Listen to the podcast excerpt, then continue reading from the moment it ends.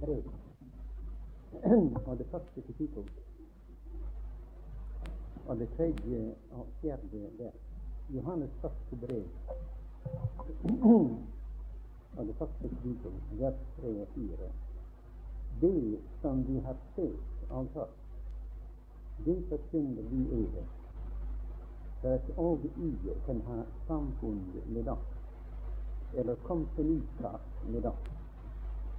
Men vårt kompaniskap er med Faderen og med Hans Sønn Jesus Kristus. Og dette skriver vi for at deres glede kan være fullkommen. Johannes er den eneste av alle dem som skriver i Det nye testamentet, som forteller oss hvorfor det er at han skriver. Ingen av de andre som skriver, verken Paulus eller Peter eller noen av de andre, ingen av dem forteller oss i forveien eller etter det har skrevet hvorfor det var de. Men Johannes forteller oss alltid hvorfor det er at han skriver. Når han kom til omtrent slutten av sitt evangelium, til det to siste vers i det tyvende kapittel, da sier han at det var meget annet som den Herre Jesus gjorde overfor sine disipler, som ikke er skrevet i denne boken, altså i hans evangelium. Meget var skrevet i Matteus og i Markus og i Lukas. Men det var meget som ikke var skrevet i hans bok. Men sier han, dette er skrevet. At vi skulle tro at Jesus var Kristus Guds sønn, og å ha liv, eller det evige liv, i hans navn. For det, mine venner, åpenbarer en veldig og en velsignet hemmelighet for alle sammen av oss. Fordi om noen som er her i aften nå ønsker å få det evige liv, om de ikke eier det evige liv, og de ønsket å få det Nå vel, Gud har skrevet en hel bok for at de skulle finne det evige liv og ha det. Bare ta for eksempel nå, om du går tilbake til det tredje kapittel i Johannes evangelium, og du husker at hvordan det var at denne lærer, Israels lærer kom til Jesus midt på natten, og han hørte disse vidunderlige ord fra Herrens leder. Like som Moses opphøyet slangen i ørkenen, så må menneskesønnen opphøyes, for at hver den som tror på ham, skal ha det evige liv. For om det skulle være en her nå i aften som ikke eier det evige liv, skjønt jeg tror at alle er troende her i salen, men om det skulle være en som ikke har det evige liv, og det ønsker i aften av hele ditt hjerte å ha det, Les igjennom, mine venner, disse deler av Johannes evangelium. Tenk på et sånt vers som det, for eksempel, det, det femte kapittel og det 24. vers. Sannelig, sannelig, sier jeg eder, den som hører mitt ord og tror Ham som har sendt meg, han har evig liv, og han kommer ikke til dommen, men er overgått fra døden til livet. Altså Adam og Eve hørte slangens ord, og det gikk over fra livet til døden.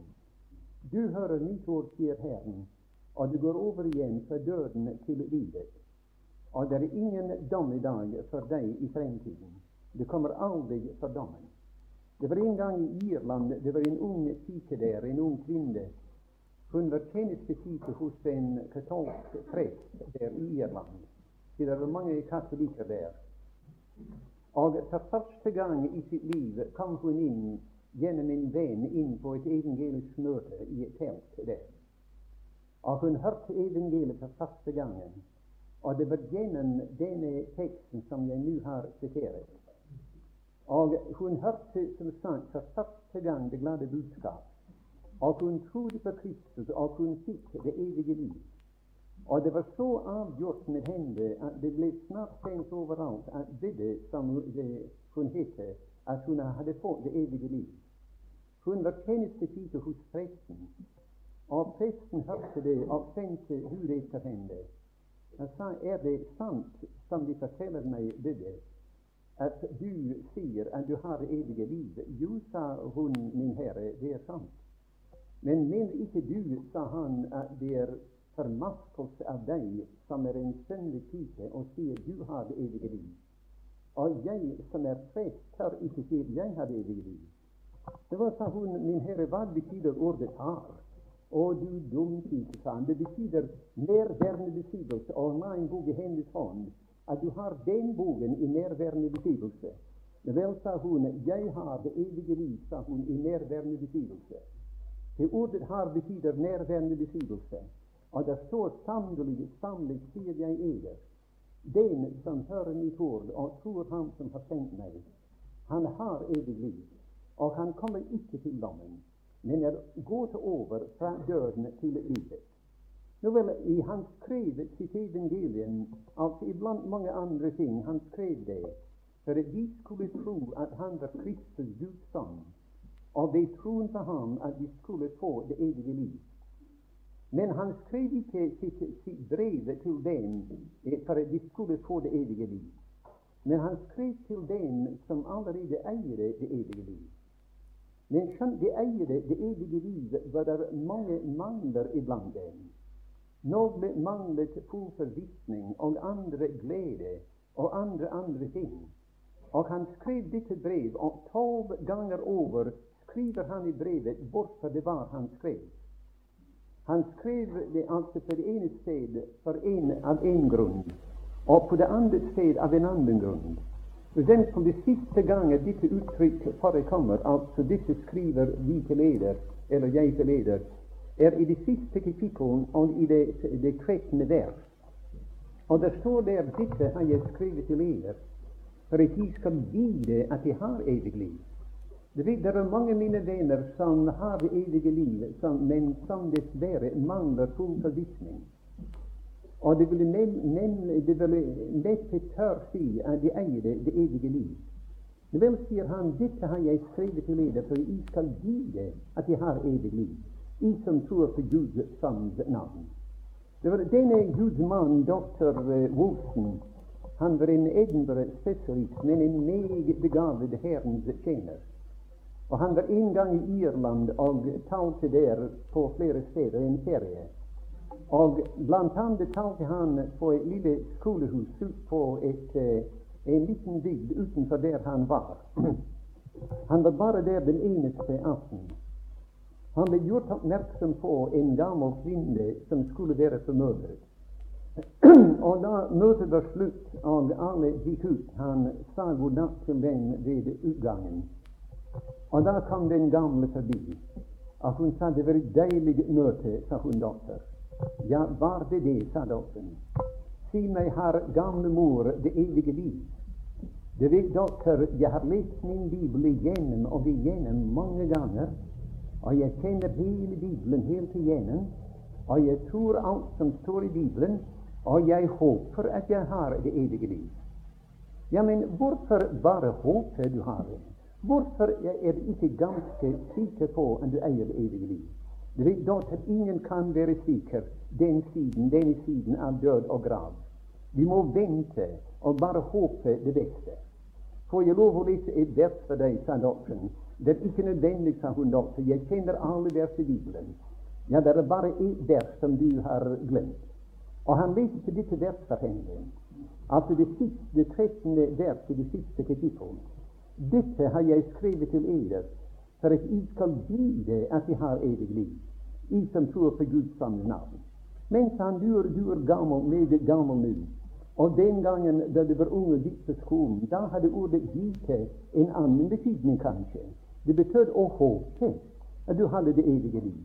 Nei, det hadde samme betydning da som nå, men la meg si det. Og hun tok sine briller på, og hun leste dette fast innad. Og siden leste hun verset høyt, og da brast den gamle kvinnen ut av gråt. Og gjennom sine tårer sa hun, Å, hvor blind har ikke jeg vært. Det vers må jeg ha lest mange ganger, men tenk, sa hun, jeg har aldri sett verset før nå, sa hun. Og den aften gikk hun hjem, og istedenfor å håpe at hun hadde det evige liv, nå kunne hun si, jeg vet det, at jeg er ganske overbevist om det. Og ikke fordi jeg føler noe, men fordi jeg tror at Jesus er Guds sønn. Jeg, fordi jeg tror på Ham, jeg eier jeg det evige liv. Nå, Det var den første gang det forekommer i dette brev er, det fjerde vers som jeg leste. Apostelen sier at dette har vi skrevet til dere, for at eders glede kan være fullkommen.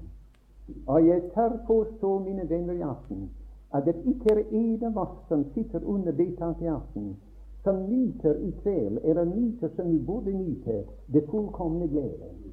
Tenk for på at en sånn tilstand som en uforstyrret fred, en hvile som ingen kan beskrive, og en glede i våre hjerter som ikke kan, den, den kan bare erfares og ikke forklares. Hvor mange av oss som er her i aften, eier den, denne fullkomne gleden.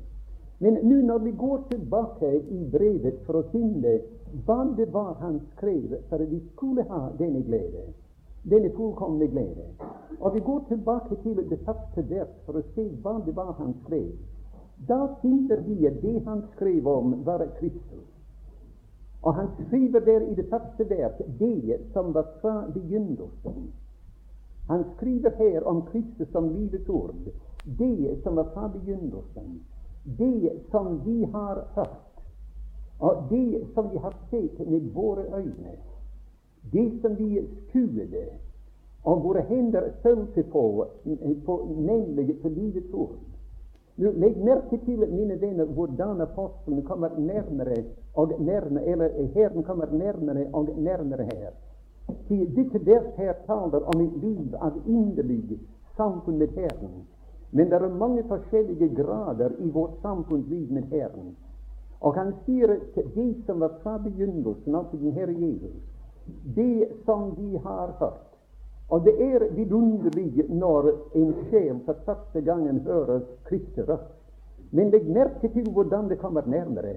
Først er det hans røst, og siden er det ham selv vi ser ham. Av sine er det hans mangehåndede sannheter og dyrebarheter vi skuer ham.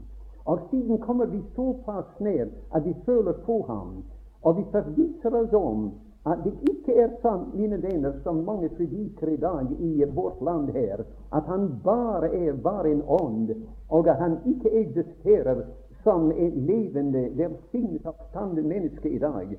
Men det røpte ved ham og det forviste seg om at han var virkelig oppstanden fra de døde. Han var virkelig kjød og ben. Et virkelig menneske som han hadde vært da de naglet ham til korset. Men han kommer nærmere og nærmere, mine venner.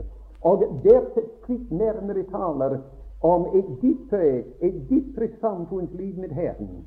Jeg sa i stad at det var vidunderlig, altså. Og det har vært vidunderlig for alle våre hjerter den dagen du husker da vi kunne si 'Å, jeg hørte'. Du vet når vi har vitnemøter, og den ene etter den andre står opp og sier at 'jeg hørte meg frelst gjennom det der'. og de siterer, siterer et eller annet deilig der. Og den andre står opp og de taler om hvor herlig det var den aften. Du hørte den og den predike, og du hørte de siterte det og det der. Og det hørte like som Gud som drøfte gjennom det og det ble omvendt til Herren. Det ble frelst. Og jeg skulle si det, mine venner, det er en opplevelse som er der, vel verd å tale om. En opplevelse, mine venner, som jeg håper hver eneste en av oss som er her i aften, har erfart og opplevd. Men la meg bare si dette, at de aller fleste troende stanser der. Og de aller fleste troende, når de vitner eller taler, de kan ikke tale om mer enn bare en Kristus hvis røst de har hørt. Altså, de taler sjelden om at de så hans ansikt. De taler sjelden om, mine venner, at de så skjønnheter i ham og dyrebarheter i ham. Men det hørte han røst. Og fordi det hørte han røst, den som hører, det hører, og din sjel skal leve. Jeg husker forresten at for mange, mange år tilbake, da jeg var ganske, ganske ung som en troende, jeg tror ikke jeg var 20 år, men min eldste bror, som sjelden kom på et evangelisk møte, han kom på et møte en aften, en søndag aften, og jeg satt meg ved siden av ham. Han hadde ikke noen bibel, for han var ikke omvendt da. Og da predikanten begynte å skulle lese, Da sa nikket jeg til ham at han skulle se på med meg. Han bare rørte ved øret sitt. Han skulle høre. Og jeg hvisket inn i øret hans, hør, og din sjel skal leve. Og han hørte også, og hans sjel ble levende. Og la meg si til oss alle sammen her i aften at om vi ikke er kommet lenger enn bare det Du er frelst altså, og om døden inntraff, da vil du fare herfra for å være med Kristus. Om Kristus kom for å hente sine egne, du ville være med den skare av herliggjorte troende og ville føres inn i Faderhuset. Men denne fullkomne glede som han skriver om her, skal du alltid være fremmed for. Og du skal aldri oppleve den fullkomne glede som han sa han skrev for de skulle nyte. Bare tenk på den mine venner. Hvem av slike troende nyter virkelig den fullkomne hvile, den ubeskrivelige noe som heter hvile? En fullkommen tilfredsstillelse, en fullkommen fred, og alt, alt ganske, ganske uforstyrret og som kan, alltid kan løfte sine øyne til himmelen og si, Herre Jesus, du er min frelser, og du min Fader, du er min Fader, og jeg er ditt kjære, inderlige kjære barn. Din yndling er kommet inn i din nærværelse, og vi går nær til ham, mine venner. Den tilstand, altså, er disse kjære troende fremmed for. Fordi de ikke har gått lenger enn bare det at de har hørt ham men da tenk når det neste stadium er en kjennegjerning. Tenk f.eks. mine venner når vi ser ham. Når vi kan si tenk, som en troende mann sa for en del år tilbake Jeg leste min bibel, sa han, for 15 år, og tenk, jeg så aldri Kristus der, altså i Det gamle testamentet. Men nå ser jeg bare Kristus der. Og tenk, det er som en, en veldig, en ny opplevelse det er som en ny omvendelse når vi åpner Bibelen og vi leser hvor som helst i Det gamle testamentet, og vi ser det der er Kristus. Jeg har aldri sett det før. Der er Kristus den gode hyrde i Abel. Der er Kristus i, i Isak som ble båret frem, lagt på et alter, og en kniv over hans hjerte, og oppstanden lyser fra de døde. Og vi går igjennom Bibelen, og vi ser ham der. Og vi ser ham, mine venner, som han vandrer der, som vi siterte i går fra den 16. salme. Der går han, mine venner, den ydmyke, saktmodige Herre Jesus, og han sier, Fader, bevar meg. Hele dagen at han gikk, hvor som helst han gikk, gikk han med denne bønn i sitt hjerte. Bevar meg, å Gud, til jeg tar min tilflukt til deg. Jeg har intet gode utenfor deg. Ingenting i denne verden. Intet gode utenfor deg. Men alt det gode jeg har, deler jeg med det herlige som er i landet, det hellige i den jeg har min lyst. Og om du går igjennom den salmen, skulle finne hvordan han vandret her nede. Mine venner, når vi ser disse ting, altså når, når vi kan si der er Kristus, det er vidunderlig, og der er han i ofrene, der er han i brennofferet. Der er han i arken der, som nå bygget. Bygget eller beget innvendig og utvendig, så at ingen dommens vann kunne komme igjennom. Og det er kanskje en hentydning til arken at vi har i Romerne 8 og det første kapittel, eh, eller det første vers. Der er da nå ingen fordømmelse for den som er i Kristus Jesus. Inn, i ham altså er det ingen fordømmelse som kan komme.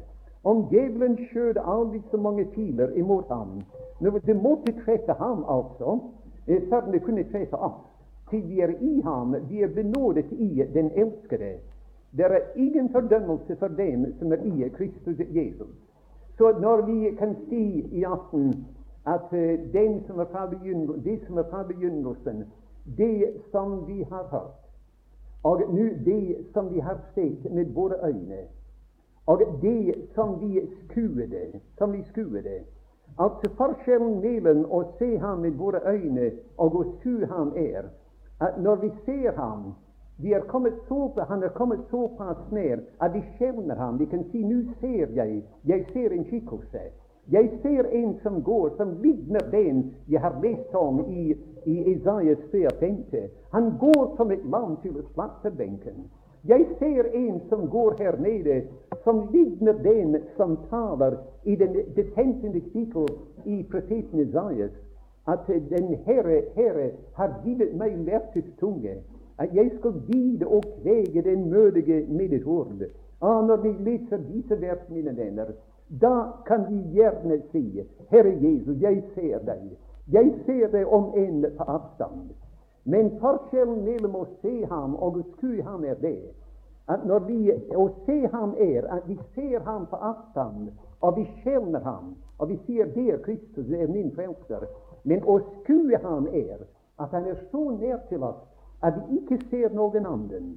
Han binder oss for alt det andre som er i verden.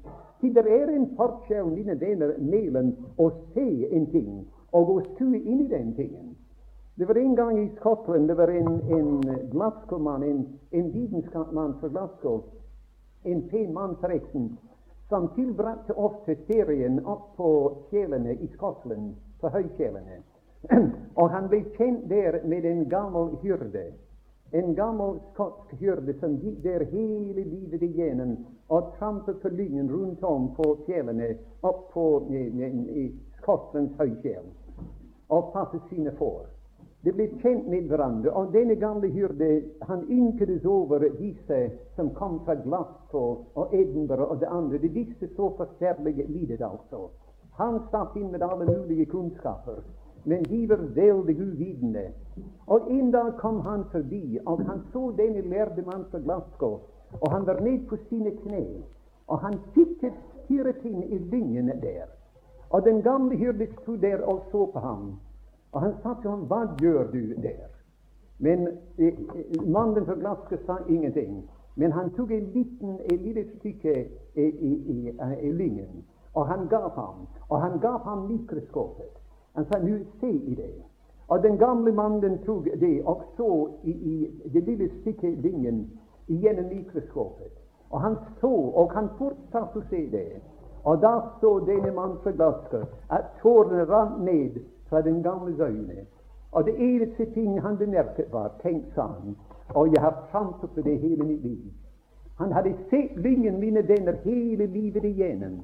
Kunne fortelle deg hvor det var tykkest, det var kanskje penest, på en måte. Men hadde aldri sett inn i skjønnheten som var i den linjen som han sanset på.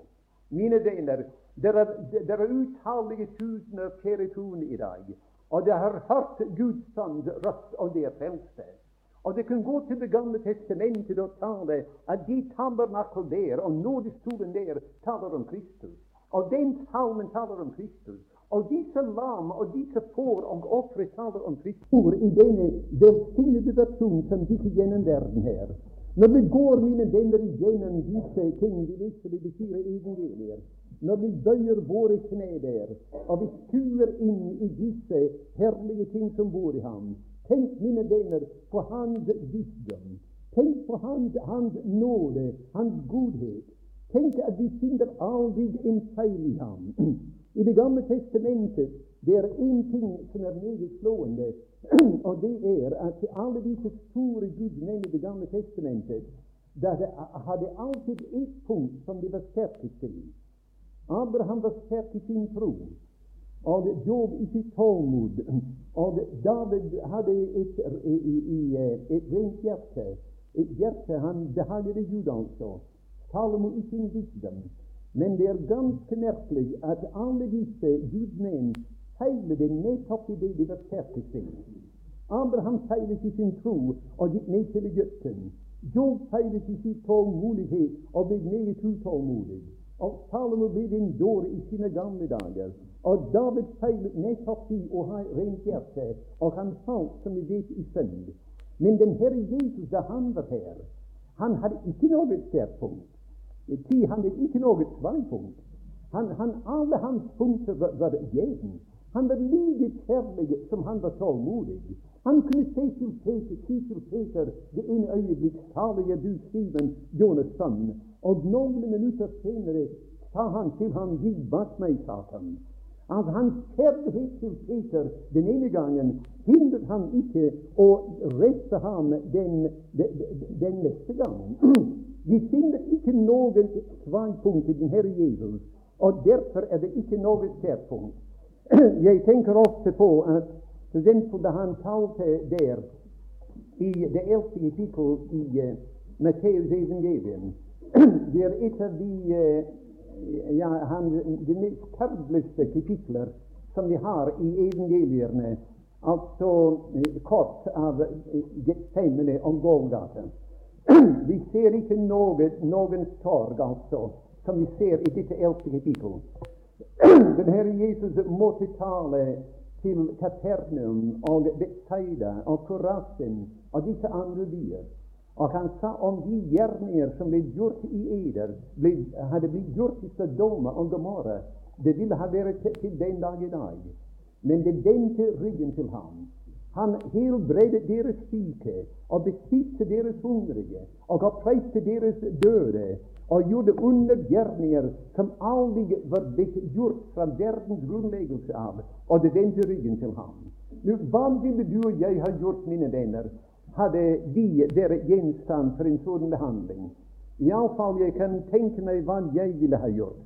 Jeg ville ha sagt takk for meg, og nå trekker jeg meg helt tilbake, eller noe slikt.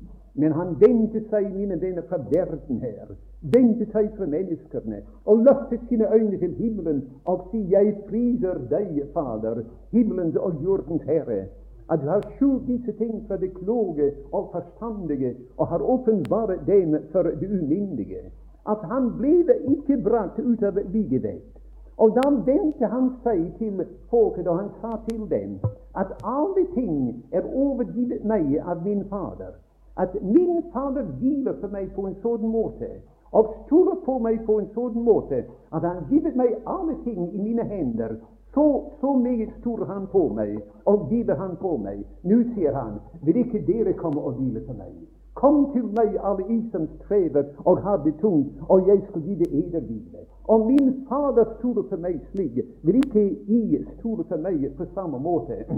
Og der talte han mine ikke brakt ut av ligevekt.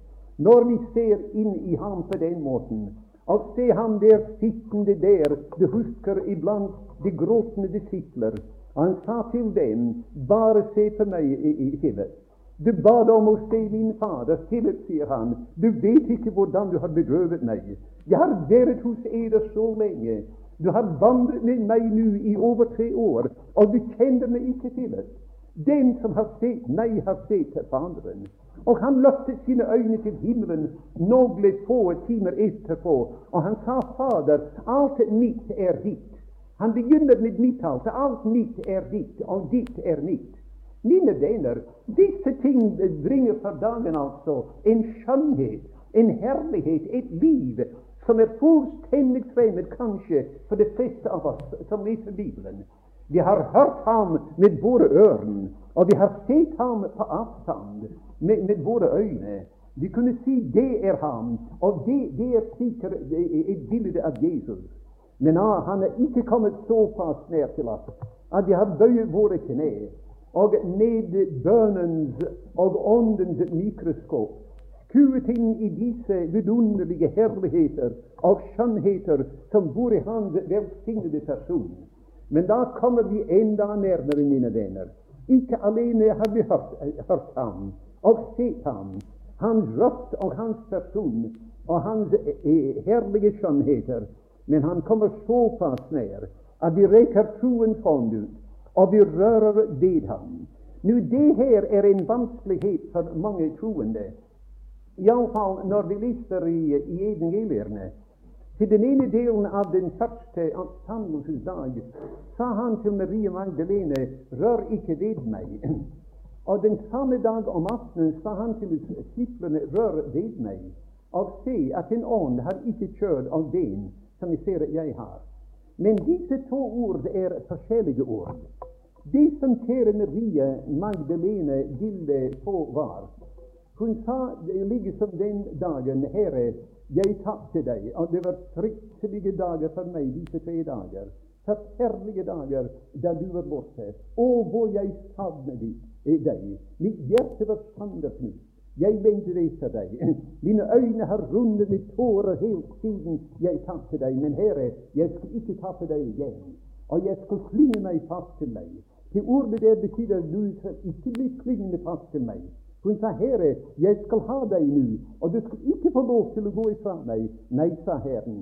Maria, nå er alt sammen forandret. Alt sammen er helt forandret nå. Døden og dommen og alt sammen er tilbakelagt. Vi står til himmelsk grunn nå. Du skal ikke ha meg her nede, men jeg skal ha deg der oppe.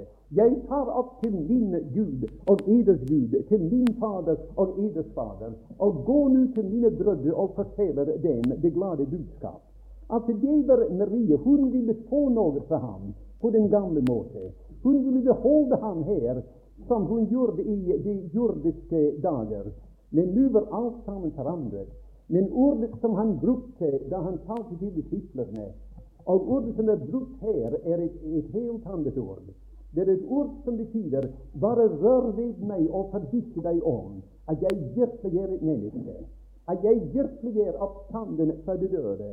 Det er, det er, det samme ord som vi leser i det tolvte kapittel som gjenfolk i, i, i, i Hebreerbrevet. At de er ikke kommet til et gjerg som man kan tage på.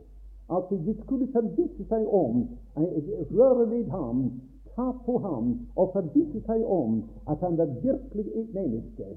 Og en annen ting, mine venner, la meg si. Det ord her som er brukt, å røre ved ham, det ord er det samme ord i en annen form som er brukt gjennom hele Det gamle testamentet. Når man skal røre ved trengerne på et, en harpe strengene av et instrument. Og du vet, når David rørte ved strengene der, da kom der mye nydelig, herlige melodi ut. Og da sang Israels lykkelige sanger. Da fylte han hjertet med glede, og de som hørte ham, fylte med glede. Og på samme måte i dag. Vi hører ham, og vi ser ham. Vi skuer ham, og vi rører ved ham, og vi berører med ham, mine venner, da kommer denne fullkomne glede som han taler om. Dette har jeg skrevet til dere, for at eders glede kan være fullkommen. Vi rører ved ham som deres himmelsk kast. Og der kom glede inn i våre hjerter. Og gleden, mine venner, som kommer i våre hjerter, blir til sang. Og den fullkomne glede fyller da hjertet. Alt sammen kommer gjennom at vi har kjennskap til og nydelsen av samfunnet med den velsignede Herre Jesus. Nå, Det andre der til det kapittel her er like som et parentes for å fortelle oss hvor det evige liv kom fra. Han sier at til livet er ble åpenbart, det evige liv, som var hos Faderen og ble åpenbart for oss her nede. Det var alltid i et parentes. Men nå sier han i det verset jeg leste at dette, sier han, det som vi har sett og hørt, det forkynner vi eder. Og vi gjør det for at vi skal ha kommet til iskant med oss. At her har vi, med andre ord, våre speidere. Du husker at speiderne kom tilbake fra det deilige land, fra det, det, det deilige land som flød med melk og honning. Og det hadde druer med seg, og det hadde granatetler med seg. Du vet forskjellen mellom kanskje druer og granatetler. Iallfall granatetler består bare av frø og blod. Det er alt. Blod og frø fyller hele granatetler. Og da disse druer som talte om himmelens gleder, og det kom tilbake fra landet, og da folket så det her, og de sa det landet må være et vidunderlig land, et herlig land. Se fruktene som er kommet fra det landet. Nå vel, våre speidere, mine venner, er kommet tilbake. Johannes var en av dem. Han ble rykket inn i selve, i selve staden. En dør ble åpnet i himmelen, og han ble rykket inn i himmelen der. Og da han kom inn der, som vi sa i går, tror jeg, da så han ikke, Jeg tror ikke han så i farten den gylne gate, men han så en trone som ble satt der, fast og urokkelig der, mens alle troner på jorden håp på og vakle. Og tronen ble satt der, og han så en som satt på tronen. Og du husker, mine venner, hvordan han var. Å, min elskede er vid og rød. Han er skjønnere enn alle menneskenes barn, og han satt der på tronen.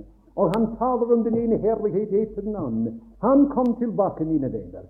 Og du husker hvordan han sa til den de kjære som han skrev til, Han sier, 'Skjønt jeg har meget å, å, si til dere.' 'Jeg vil ikke gjøre det med blekk og, og papir', sier han. 'Men jeg håper å komme snart til dere, og vi skal tale muntlig med hverandre.' Og jeg har ønsket meg mange, mange ganger at jeg hadde vært der da denne gamle, ærverdige gudmannen var der. Jeg ville iallfall ha bombardert ham med spørsmål. Han kunne fortelle oss, mine venner, alt som er innenfor perleportene og om lammet der som skal være der, og om himmelens trone, om det frelste skar som var der. Og han skal fortelle oss kanskje at jeg gråt der. Jeg gråt.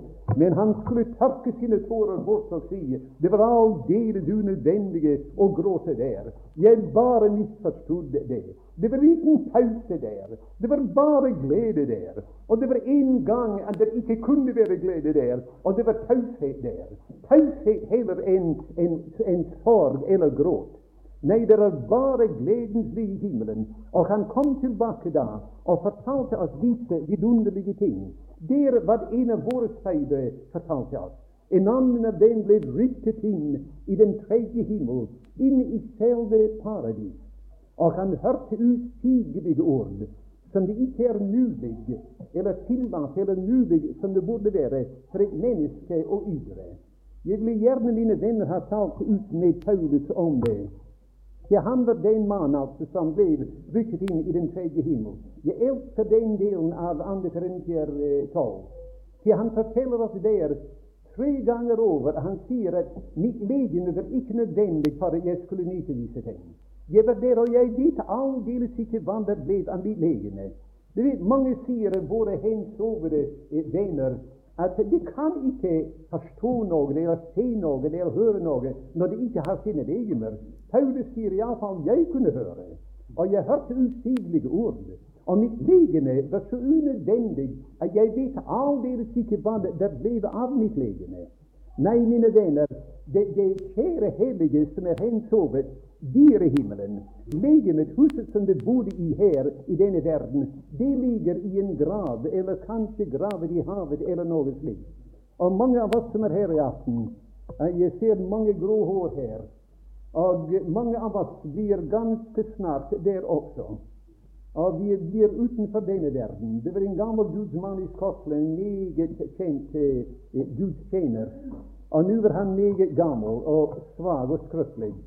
Og en venn traff ham en dag, en troende venn. Han trykket hans hånd og sa nå vel, hvordan står det til med mister denne venn, og nevnte hans navn. Jo, sa den gamle, talte nokså avmålt. Mister denne den har det meget, meget godt. Meget godt. Men det hus som mister denne den bor i, det er meget skrøpelig. Og takk, det er så slitt at han er bange for at han må snart flytte ut av huset. Og alle sammen av oss, mine venner, iallfall de som er eldre, jeg er bange for at mange av oss må ganske snart flytte ut av det huset her. Bjelkene alltid begynner å skjelve, og, og håret begynner å gråne, og mange eier ikke hår i det hele tatt. Og det er meget annet som, som, som gjør at huset blir ganske snart Vi blir nødt til å flytte ut av det. Nå, nå vel, det Paulus, mine venner, sa da han kom tilbake igjen. Jeg var der, jeg var der altså. Mitt legeme var her, men jeg var der. Eller jeg vet ikke hva det ble av mitt legeme, men jeg selv var der, og jeg hørte usigelige ord. Det er mange av oss som det var noen det var et spørsmålmøte en gang, og spørsmål ble sendt inn hva var det usigelige ord som Paulus hørte da han var i paradis? Det vet, bare tenk, Paulus fikk ikke lov å tale om den. Og hvorledes kan noen av oss altså forklare hva det var han hørte? Men du kan stole på, mine venner, at disse usigelige, vidunderlige, herlige ord er ikke gått tapt. Da jeg er på at han, da han skrev i Peterbrevet, der strevet han altså, og det var meget, meget vanskelig. De ordene der og uttrykkene der David på, på sine forføyninger. Han bruker ordet 'overdekkes' flere ganger. Og bare tenk da han skrev det, det andre brevet til korintierne. og han sa at våre lidelser, vår trengsel her, er kortvarig og lett. Kortvarig og lett. Om jeg sa det, du ville si kanskje ja, ja, det er lett for deg å si det. Si, du har ikke hatt så mange fengsler, men det var Paulus som skrev det. Kort bare, sier han, og lett. Det virker for oss en, en herlighet som er i overmål på overmål. Han kan ikke få et uttrykk altså og forklare hva han mente. At han strevet igjennom taler om det som overgår kunnskap og slike ting. Hva er det, mine venner, han prøver å forklare? Jeg er sikker på det var at han prøvde å forklare det usigelige ting som han hørte i herligheten. Du vet, Efeserbrevet er Kristi uransakelige rikdom.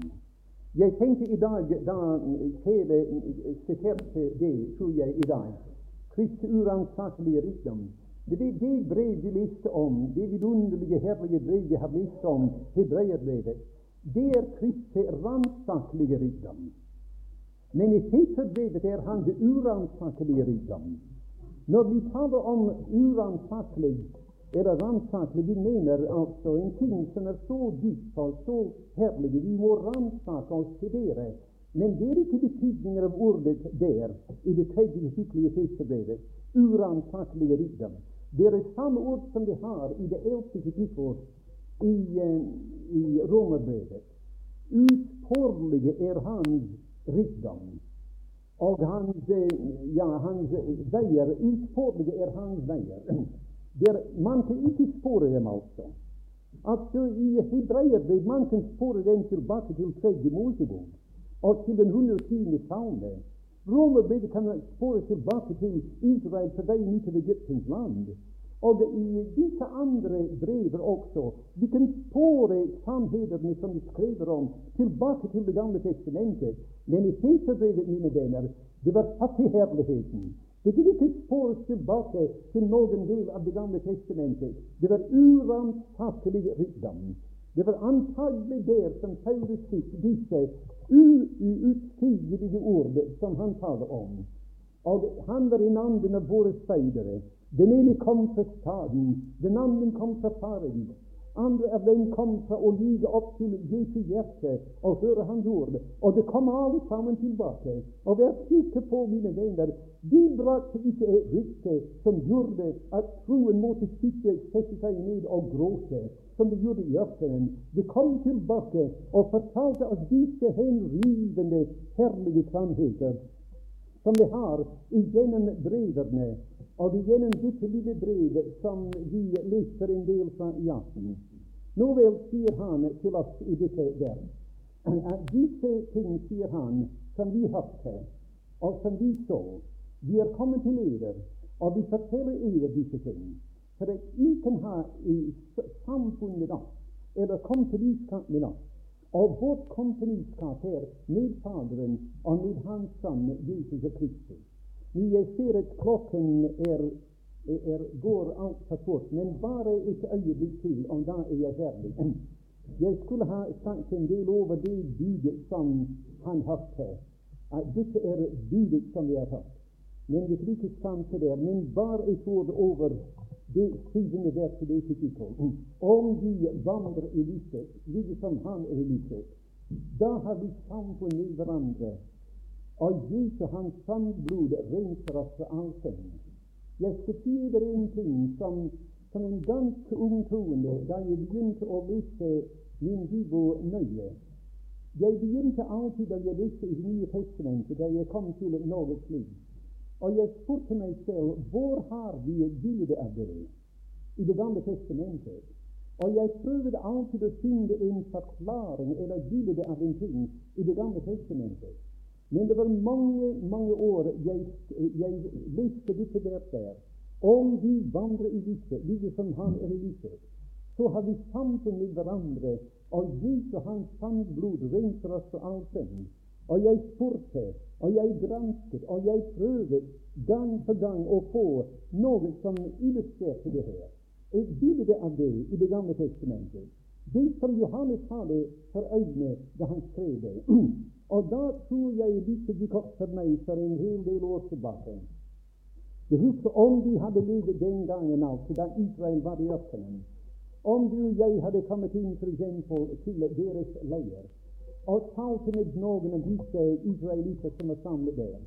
Der var Guds tabernakel midt imellom dem. Guds skiver over tabernaklet. Og blodet var inn der på nådestolen. Og rundt om tabernaklet var hele Israel. Flere millioner sjeler var samlet der, og det vandret der. Men de ville kanskje si til disse troende, eller disse israelitter, at dere er et hårdnakket folk. Dere er ikke altså mors beste barn, som vi sier her i, i Norge samme tider. Og den Gud som dere er, lever sammen med, den Gud er en hellig Gud. Og hvordan går det an at dere kan vandre her i lyset av Hans sky og ha samfunn der, og, og, og, og, og Gud sky er der altså, og dere vandrer her i lyset av det? Hvordan går det an for dere å gjøre det, dere som er et hardnakket folk? Og da ville de si til deg at langt der inne, gjennom porten inn til faddergården, gjennom døren med det for inn i helligdommen, og gjennom forhenget, dette hellige sted der inne, der går vår fromme mann, vår ypperste prest, en gang årlig. Og han, han senker nådestolen med blodet. Og det er blod der på nådestolen. Og fra forsoningsdagen til forsoningsdagen vi kan vandre i lyset like som han er i lyset. Og vi har samfunn med hverandre, og det blod der holder oss ren. Ren for et helt år, fra forsoningsdag til forsoningsdag. Du og jeg, mine venner, det er ikke for et helt år vi er renset. Vi kan si her at, uh, at vi vandrer i lyset. Vi er der altså Gud har kommet ut i lyset nå. Han er ikke lenger skjult, som Salomo sa, i mørket. Han er kommet ut i lyset. Han er kommet ut i Kristus altså her. Og nå har vi samfunn med ham. Og vi vandrer i lyset like som han er i lyset. Og vi har samfunn med hverandre. Om det var en kineser som var her i dag, som var en troende, en afrikaner som var her i dag, som var troende, bare fordi han var troende, vi skulle ha samfunn med ham, samfunn med hverandre, og det blod som er stengt der på tronen. Det varme blod, mine venner, som rant fra hans årer på Gågata, det blod holder oss ren. Renser. Det står ikke der når det renser. Det står ikke hvordan det renser. At det er en evig presens, altså. Det betyr når evigheten altså har Når vi har vært der millioner av år, det skal kunne sies fremdeles at det blod der renser renser. Det er dens beskaffenhet, altså. Du og jeg vandrer i lyset som han er i lyset. Og vi har samfunn med hverandre. Og det er det blod, hans blod, som holder oss ren, renser fra all synd. Nå, det er bare noen få tanker ut av de veldige mange tanker som er skjult i dette første kapittel i Johannes første brev. Det er vel verdt, mine venner, å vise igjennom det brev. Bekjennelse er satt til prøve. Om vi sier det, og vi ikke er det. Om vi gjør det. Bekjennelse er alltid satt til prøve der. Men også en virkelig troende, tegnene på en virkelig troende kommer frem. Og det er at de vandrer i lyset, like som han er i lyset. Vi har samfunn med hverandre, og Jesu hans sannblod renser oss fra synd.